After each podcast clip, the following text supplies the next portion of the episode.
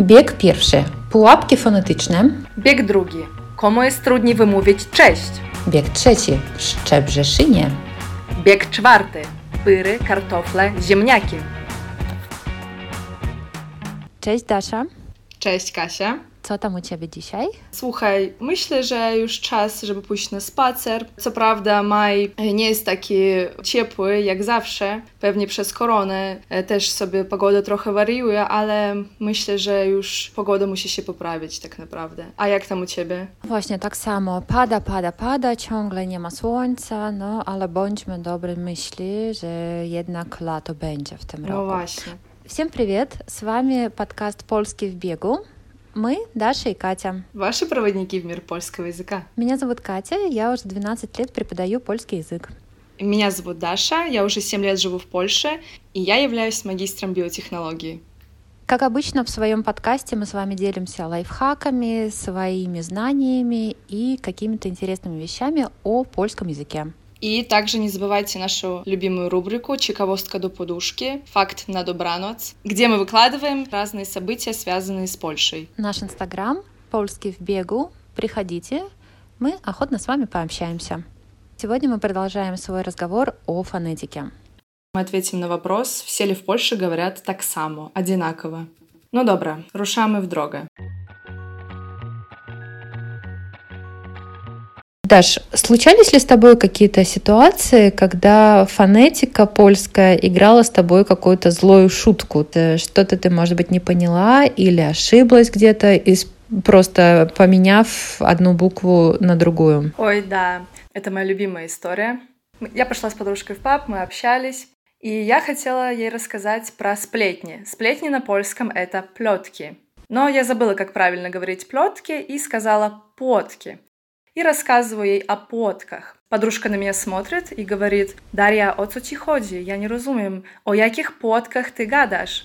И я ей тумаче, что, ну, сплетни, когда кто-то кого-то обсуждает за спиной, например. И Моника мне говорит, Дарья, але ты гадаешь teraz о потках в значении уже рыба, потка. Переводится как плотва. Угу. Еще раз, сплетни — это плетки, рыба, плотва, потка. Либо множественное число потки. Ой, да, это не единичный случай, да. И тут даже еще хорошо, что ты смогла подружке объяснить, в чем дело, потому что слова, во всяком случае, они очень расходятся по значению. А бывают ситуации, когда слова довольно-таки близки, и вопрос одного звука, он может реально поменять ситуацию. Например, слова «вейсте» и «выйсте», они очень похожи, и я читала одну историю, как немец пошел к врачу. Врач ему говорит «проше вейсть», а немец подумал, что ему сказали «проше выйсть», и вышел в коридор и ждет. Потому что для некоторых иностранцев звуки «э» «ы» звучат очень похожи, поэтому «вейсть», «выйсть», «вейсте», «выйсте» для немца, для англичанина звучат практически Очень идентично. похожи. Да, они не могут вообще послушать, ус- услышать эту разницу. Также ситуация еще с двумя словами, даже, которые всегда путаются, это какие? Время прошедшее, час przeszły, и время будущее, час przyszły. Да, если мы изучаем польскую грамматику, глаголы, то тут мы тоже можем ошибиться. И у меня тоже у самой была такая ситуация, когда я не поняла задание. Proszę użyć czasowników w czasie przeszłym. И это стоило мне оценки на экзамене, потому что я э, вместо будущего времени ставила глаголы в прошедшее время, и, соответственно, задание мне не зачли. Я потеряла довольно-таки много баллов и получила там одну оценку вместо другой. Поэтому будьте, пожалуйста, внимательны. Ну, иногда бывают, да, такие э, забавные даже пары слов, как, например, проще и проще, твердый мягкий звук. Проще – это пожалуйста, проще – это поросенок. И если вы заходите в магазин и говорите проще о воде, тут, да, будет немножечко забавно это звучать. Знаешь, какие слова еще путаются очень часто?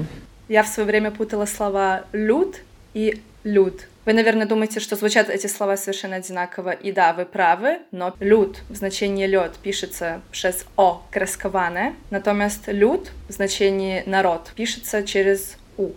Люд мы можем сравнить с русским словом тоже э, люди, люд. В русском языке буква Ю как звук У, поэтому в польском уачинске, а слово лед в русском языке буква Ё, то есть звук О, и поэтому тоже здесь окрескованы. Тут уже правило наше непосредственно работает. Даже какие еще слова путаются? Бывает даже три слова подряд мы можем перепутать, потому что они очень похожи. Например, слова лист, лищ, листа. Лист — это письмо, лищ — лист на дереве, листа — список. Например, листа продуктов, список продуктов.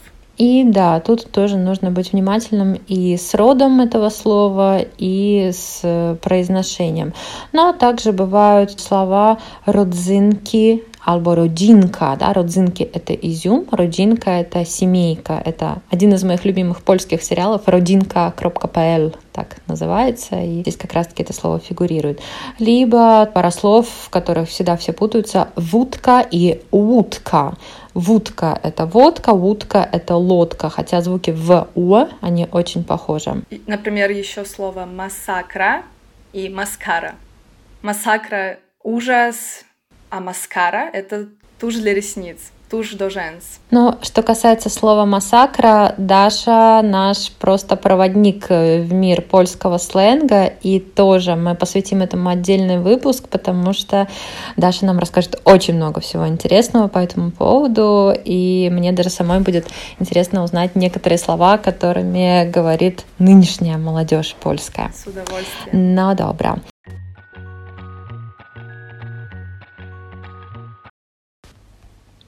Даша, хотела еще сказать, а, что не только мы, как э, русскоязычные, да, встречаемся со сложностями при изучении польского языка.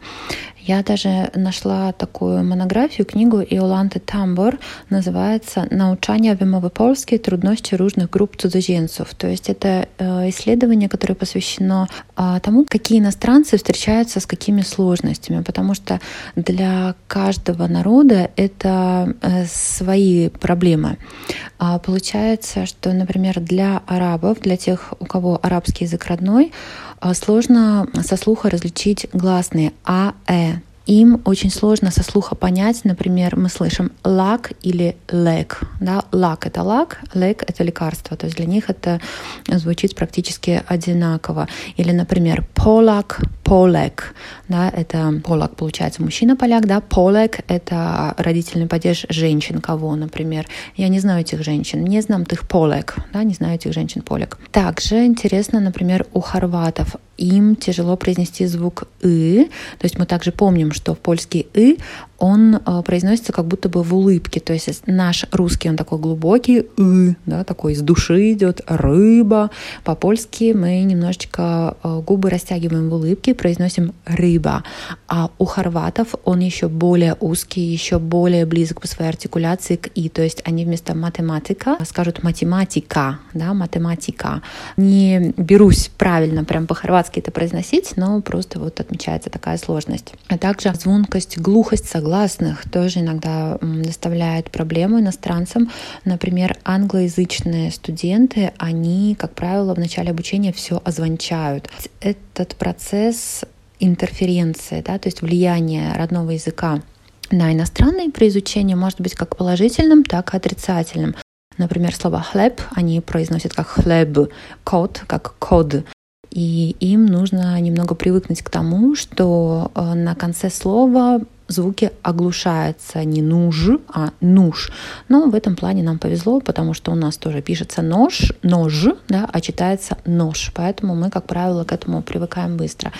И преподаватели, как правило, пользуются вот этой методикой интерференции положительной и если студенты не сразу понимают, что такое звонкий, что такое глухой звук, то они просто, например, звуки S, Z, если студенты не слышат, они просто просят их произнести в своем языке. Например, в немецком, да, Strasse, S, глухой, университет, Z, звонкий. И получается, что уже прокручивая в голове вот эти примеры, студент понимает, ага, значит в польском тоже будет вот эта оппозиция S, Z. Что касается звука «уа», да, он тоже такой довольно-таки сложный. Вот как я говорила, да, что у меня тоже с ним проблемы были в свое время, в самом начале изучения. И произносится этот губно-губной звук как «у», он похож на английский W, то есть можно понять, как он произносится, если э, люди знают английский. В немецком он схож с дифтонгом «ау», например, «бауэр», да, вот этот «ау», мы вот этот звук можем там выловить. И любопытно, что при изучении да, этого звука «уэ» при фонетике используется так называемая лабиограмма. Что это такое? Тоже я узнала такое новое слово.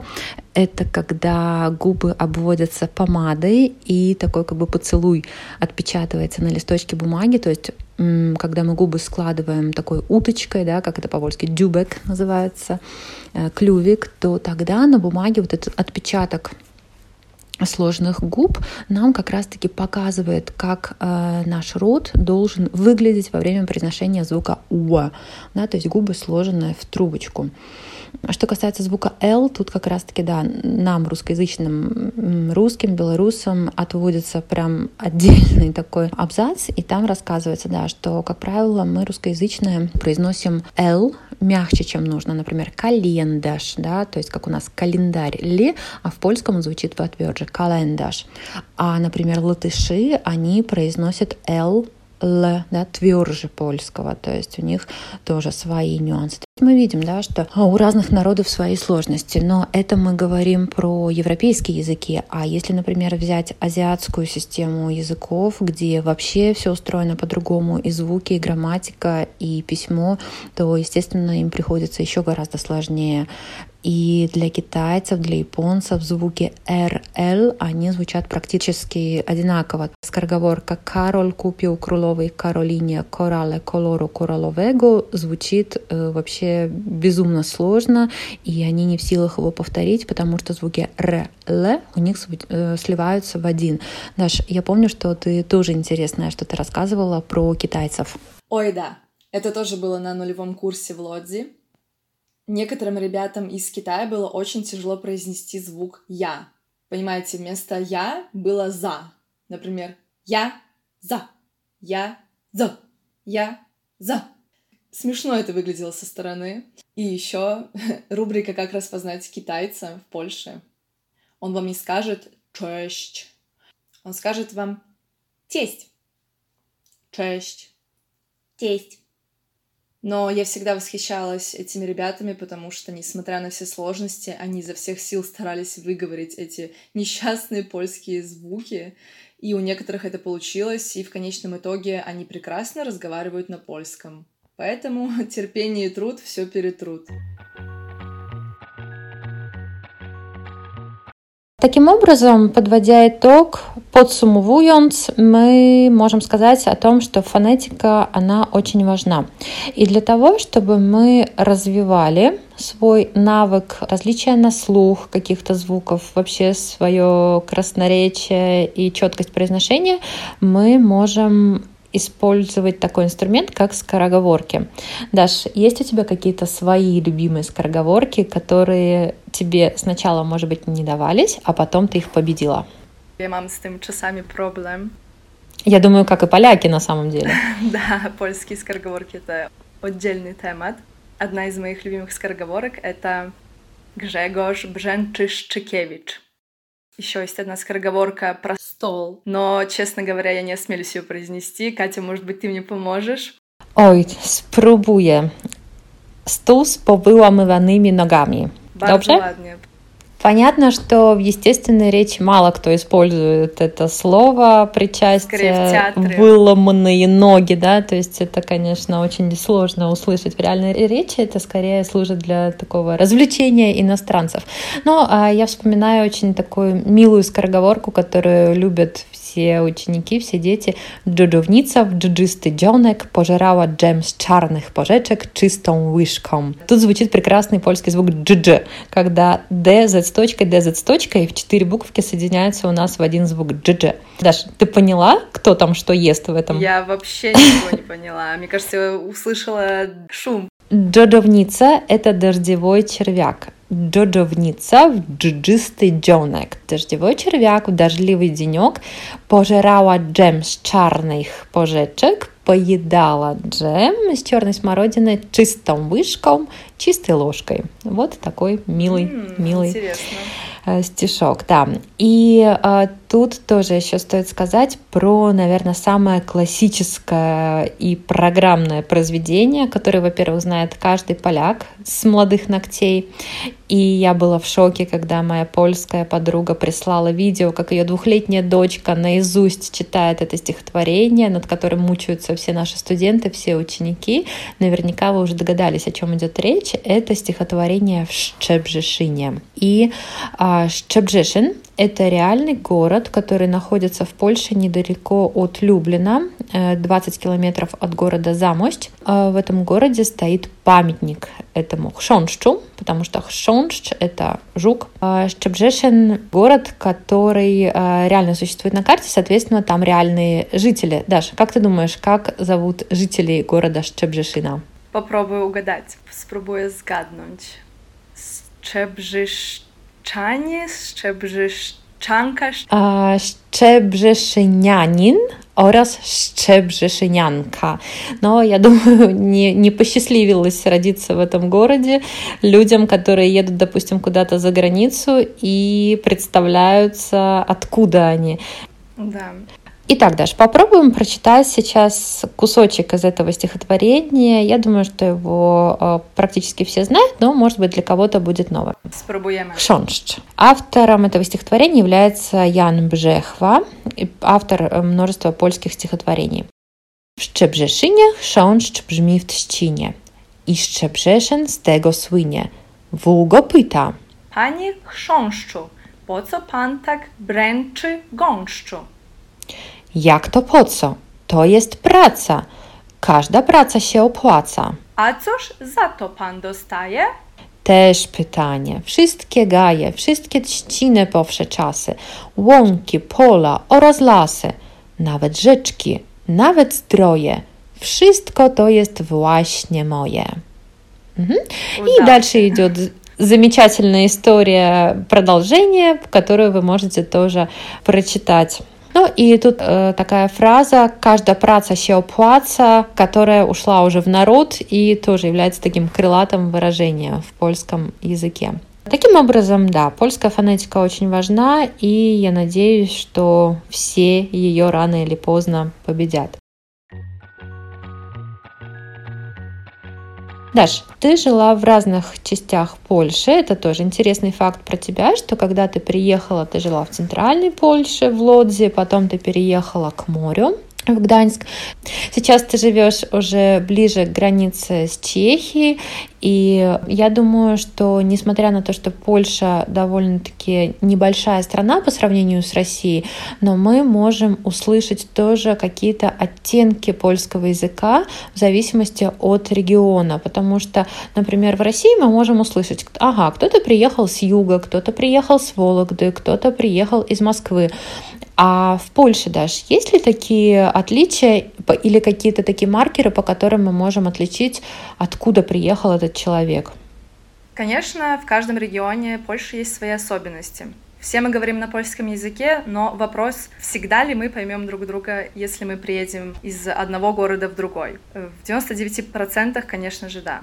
После года жизни в Лодзе я приехала на Поможе, в Гданьск. И когда я шла в магазин и просила пакет, я говорила «щатка». Часто меня поправляли и говорили «рекламовка», так? Я заметила такую особенность, что в Гданьске говорят «рекламовка», а не «щатка». Но «щатка», конечно же, они тоже понимают.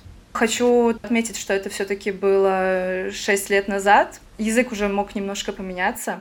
Когда я готовилась к нашему оттинку, читала комментарии на тему, как говорят в том или ином регионе Польши. Некоторые люди с Поможа писали, что наоборот, на Поможу говорят бардей щатка, ниж рекламовка. Поэтому каждый случай нужно трактовать особенно. А сейчас, даже когда ты живешь во Вроцлаве, как ты говоришь? Тоже говорю рекламовка. Но когда ты стоишь в очереди, некоторые люди говорят «щатка», рекламовка. Поэтому, мне кажется, это может быть такой «щишле мой пшиклад», как человека, mm-hmm. который только приехал в Польшу, пожил год в одном городе, переехал. Да, я думаю, что постепенно все равно эти границы стираются, стираются, потому что ну, все мы слушаем одинаковые песни, либо смотрим телевидение, из которого мы получаем все-таки один и тот же образец польского языка, такой более усредненный, классический, наверное, варшавский.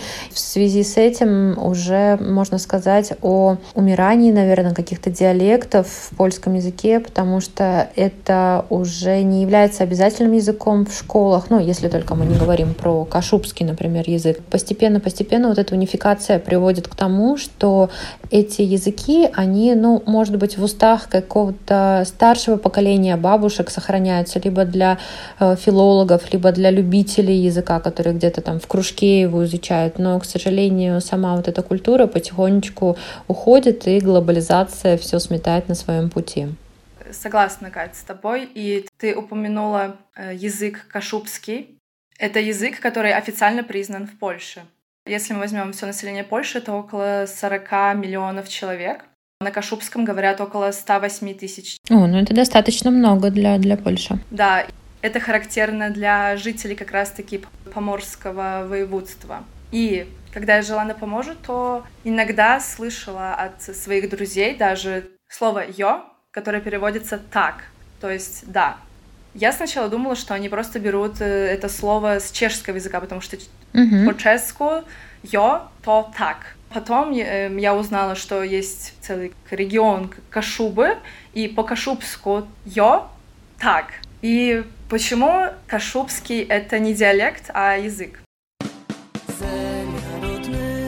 Pyszny kaszepści kraju, łed gduńska tu, aż do Rostoci brum. Te jest nóżu, jak kwiat rozkwitły w maju, ce tak przeznaju lub łetną туму. Кашубский язык имеет свой отдельный алфавит, отдельную грамматику. У них даже вывески можно найти на кашубском языке. В Ужендах они разговаривают на польском и на кашубском. Также с 2005 года можно официально сдавать матуру с языка кашубского.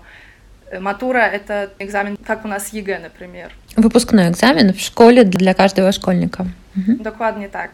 Также у них есть книжки на кашубском, telewizja, у меня была соседка в общежитии, в академику, которая живет в Костижине. Костижина — это сердце Кашуб. Даш, а когда ты с этой девушкой разговаривала, ты слышала, вот, что она не совсем по-польски говорит? Или э, она говорит на обычном польском абсолютно так же, как все поляки? Э, она говорила на обычном польском, как все поляки.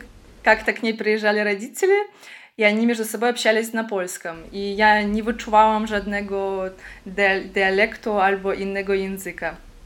Поэтому... То есть для нее это просто два, два разных языка, два да, польский языка, и кашубский. Да. Ну да, на самом деле это, э, как Даша сказала, можно заметить невооруженным глазом, потому что даже если мы едем где-то в околицах Оливы, уже там появляются дорожные указатели на двух языках. И в Инстаграме мы вам покажем фотографию того, как это выглядит, да, как тут же Гданьск э, написание выглядит по-польски да. и по-кашубски, и это тоже очень интересно. Или же э, тоже Даша недавно поделилась со мной фотографией чего-то, что Даша попробовала кашубского. Даша, расскажи, что это было. Это было пиво. Старый бровар Костижина. Это как раз мы просто готовили выпуск, и я случайно заметила, что я пью кашубское пиво. И насколько я знаю, что кашубский язык он исторически близок был с прусским языком. Прусский язык, он сейчас не существует, только филологи, историки могут э, что-то нам сказать на этом языке, потому что в реальной жизни его уже нет. А вот кашубский язык, он дошел до наших времен, и э, я думаю, что польские власти э, работают в плане того, чтобы этот язык не исчезал, чтобы культивировалась вот эта традиция, и мы знаем, что малые языки, диалекты, они, к сожалению, исчезают исчезают. И в России, наверное, во всем мире проходит такая тенденция. И надеюсь, что кашубский язык все равно останется, и жители вот этого региона сохранят свою идентификацию, несмотря на то, что они, да, конечно, будут говорить на обычном польском языке, но также они и передадут своим детям еще вот эти все традиции, связанные с их историей, с историей их региона. Предлагаю назвать самые интересные и смешные слова на кашубском. Э, надеюсь, мне удастся с произношением. Например, пупа — это лалька. Потому что по-немецки пупа это кукла, да. Я думаю, что О. тут хотя бы еще можно догадаться. Но для поляка звучит это смешно, потому что э, пупа да. это попа. Также очень интересное слово хуйка. Это сосна. Кто-то с хвоей можем мы тут вспомнить. Пахнет да. хвоей немножко. Смутан, листопад, ноябрь. Не знаю, Ой, может быть, потому что интересно. это как осенняя депрессия, все, все смут, от слова смута, смутно, не wiem, может То быть. есть даже название месяцев э, в Кашубском тоже, да, не такое, как в польском? Да. Угу. Очень интересно. Угу. Слово «денчи» — «пенёнзе». Почти как, mm-hmm. звучит как «дети». И еще интересный факт. В Гданьском университете, который, кстати, я закончила, в Институте польской филологии с 2009 года тоже есть даже направление nauczania języka polskiego i wiedzy o języku i kulturze kaszubskiej. Kaszubistyka. O, jakie piękne. Dokładnie, można wyuczyć się i преподавать kaszubskiej. Поддерживать mm-hmm. культуру и животность tego języka. Очень интересно. Я думаю, когда откроются границы, то мы можем, правда, поехать исследовать этот регион. Он находится так близко от Калининграда, а при этом там столько всего интересного. Я знаю, что и кашубская кухня отличается немножко от польской, и у них э, замечательные песни разные, поэтому почему бы и не получить такие знания, когда мы поедем в путешествие. Конечно. На Кашубах мы уже побывали. Куда мы едем дальше? Сейчас мы отправимся в мир диалектов. Мы можем выróżnić четыре диалекты. Мазовецкий, Мałopolski, Wielkopolski, Śląski. И еще есть диалекты Мишаны. Но мы поговорим об этих основных четырех.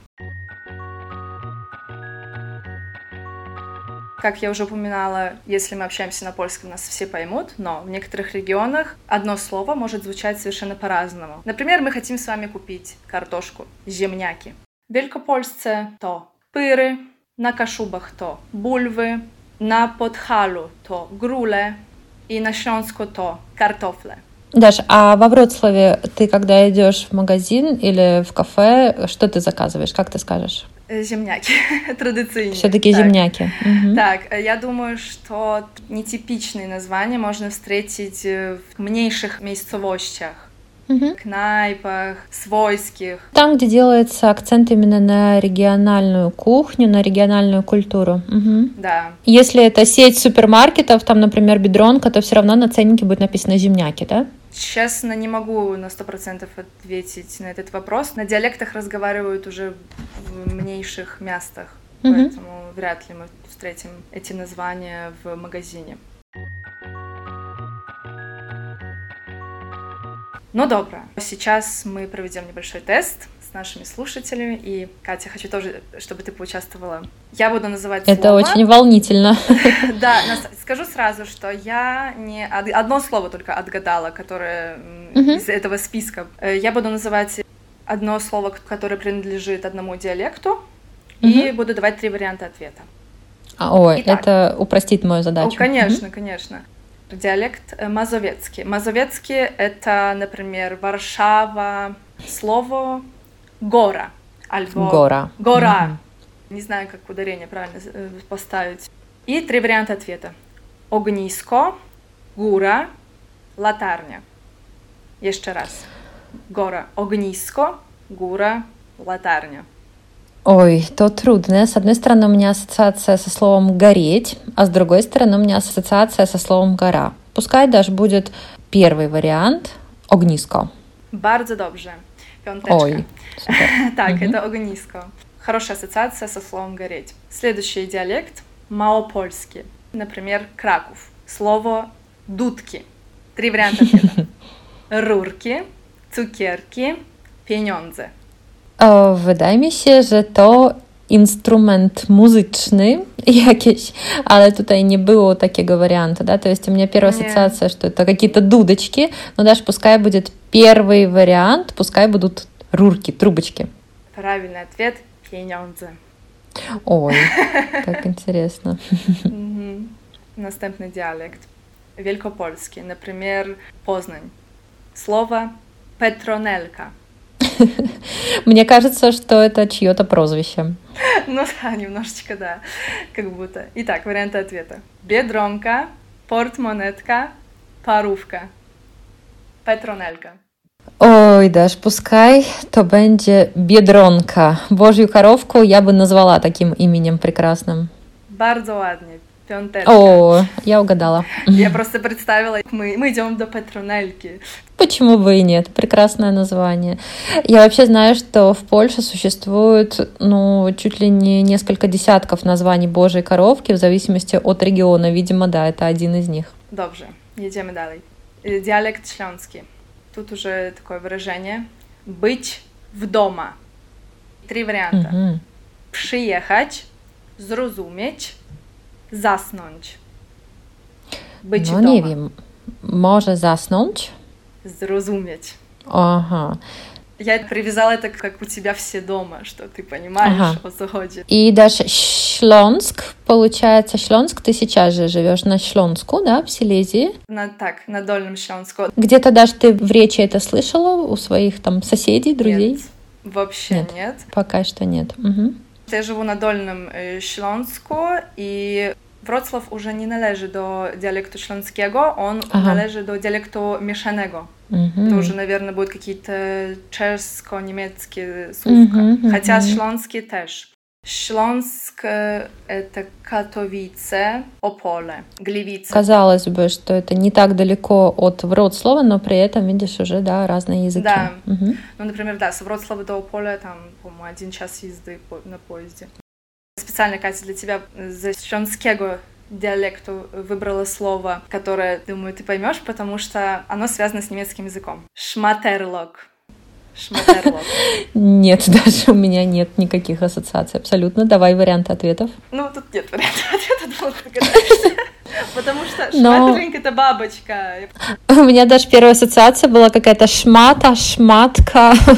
Но да, с таким красивым названием бабочки нет, у меня не возникло мысли. Хорошо, даже будем знать. Ну да, это тоже, э, ну, это уже прикол про немецкий язык, что везде э, слово бабочка будет красиво, там бабочка, butterfly, мотель. Ну, мотель тоже как бы не очень красиво, в принципе, звучит, а Мгм. по- по-немецки это шметерлинг. Ну, смешно. Ладно, небольшое отступление от темы, дегрессия. Э, Диалекты могут отличаться именно цехами фонетичными. Например, самое популярное произношение — это мазужение. Мазужение мы можем встретить в Małopolsce, w województwie mazowieckim i w części Śląska. Например, zamiast lepsze, oni mówią lepse. Mniejszy, mniejszy. Starszy, starsy. Даш, а также я слышала, что э, в польском языке существуют э, такие понятия, как щеледикование и яблонкование. Более того, я слышала, что даже проводятся конкурсы, кто лучше э, этим владеет искусством. Что это такое, Даш? Да, это тоже один из способов произношения. Предлагаем вам послушать примеры слов яблонкование и śledzikowanie. Jabłonkowanie, Ten młodzi już nie, nie, nie, nie mówią, bo już Marysi nie rządzimy, żeby rządził tam tacik, bo matka, ta, matka, bo, bo to potem jakby idzie kany między dziecka, to już, to już, to już jakoś to matka, to już każdy temu nie rozumie, co to matka i tak. śledzikowanie, fajda chleba, no to był kromka chleba urnięta, grubsza, to mówi o fajda chleba. No. Będzie to ktoś kręci, głupoty opowiada. Nieprawdę mówi, to kręci.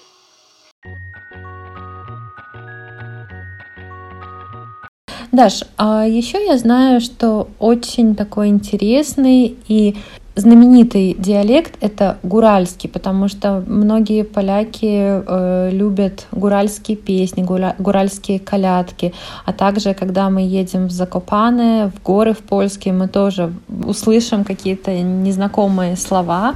Что это за такой диалект гуральский? И даже кто такие гурали? Расскажи, может быть, кто-то не знает, кто это такие? Это народ, который живет в горах. Как можно уже, я думаю, понять по названию Гурали. Это такие польские горцы. Польские горцы, да, они живут на юге Польши. Например, Подгалья и Бескиды. Малопольские и э, воеводства. Диалекты, они делятся на гвары. Гвара — это говор. И если мы говорим о гуралях, то тут приходит до головы гвара подхаланьска. Сейчас вы убедитесь в том, что не так э, легко зрозуміти гураля. Например, бенде — бедом. Вее — дуе. Ну, дуе тут как раз-таки нам помогает русский язык. Ну, для нас понятно, да. Э, земняки — груля, ну, о чем я тоже уже говорила. Э, шукать — сукать. Chcę, chcę. Śpiewać, śpiwać.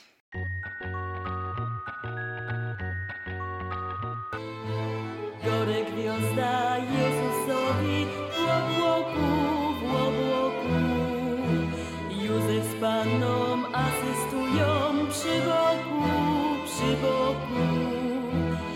Когда мой молодой человек только приехал в Польшу, во Вроцлав, до этого момента он э, не изучал польский язык э, очень долго, и на остановке к нему подошли и спросили дорогу. Он на польском начал, э, ну, все понятно объяснил, и тогда у него спросили, а пан przypadkiem nie jest góralem? Они не сказали, что он обцокраевец, что он иностранец. Они именно сказали, что он гуралец. Остается секретом, как ему это удалось. Да, вот, вот такая вот чиковостка.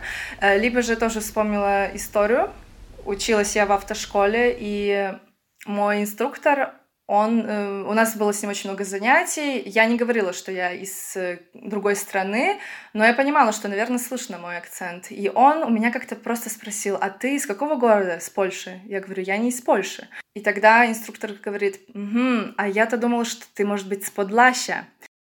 Подлаща, то есть там, где уже э, граница с Белоруссией. Потому что на Подлащу они так тоже говорят очень специфически. Еще есть слова, которые характерны для определенного города. Например, в Лодзе это мигавка. Мигавка mm-hmm. это билет окресовый, mm-hmm. то есть карта мейская. Но в Варшаве, например, кулары то подшалки. Ой, какое милое слово. Смотрелки. В Познане замест трамваю э, вы найдете бимбе, то есть трамвай то бимба, mm-hmm. как бимбер. Бимбер это самогон, если что. W Krakowie oni wychodzą nie na dwór, tylko na pole, потому что на дворе это на полу. Это, наверное, можно сравнить, как в Петербурге, это не подъезд, а парадная. Да, две столицы, два языка. Также и в Польше. Варшава и Краков всегда соперничают между собой.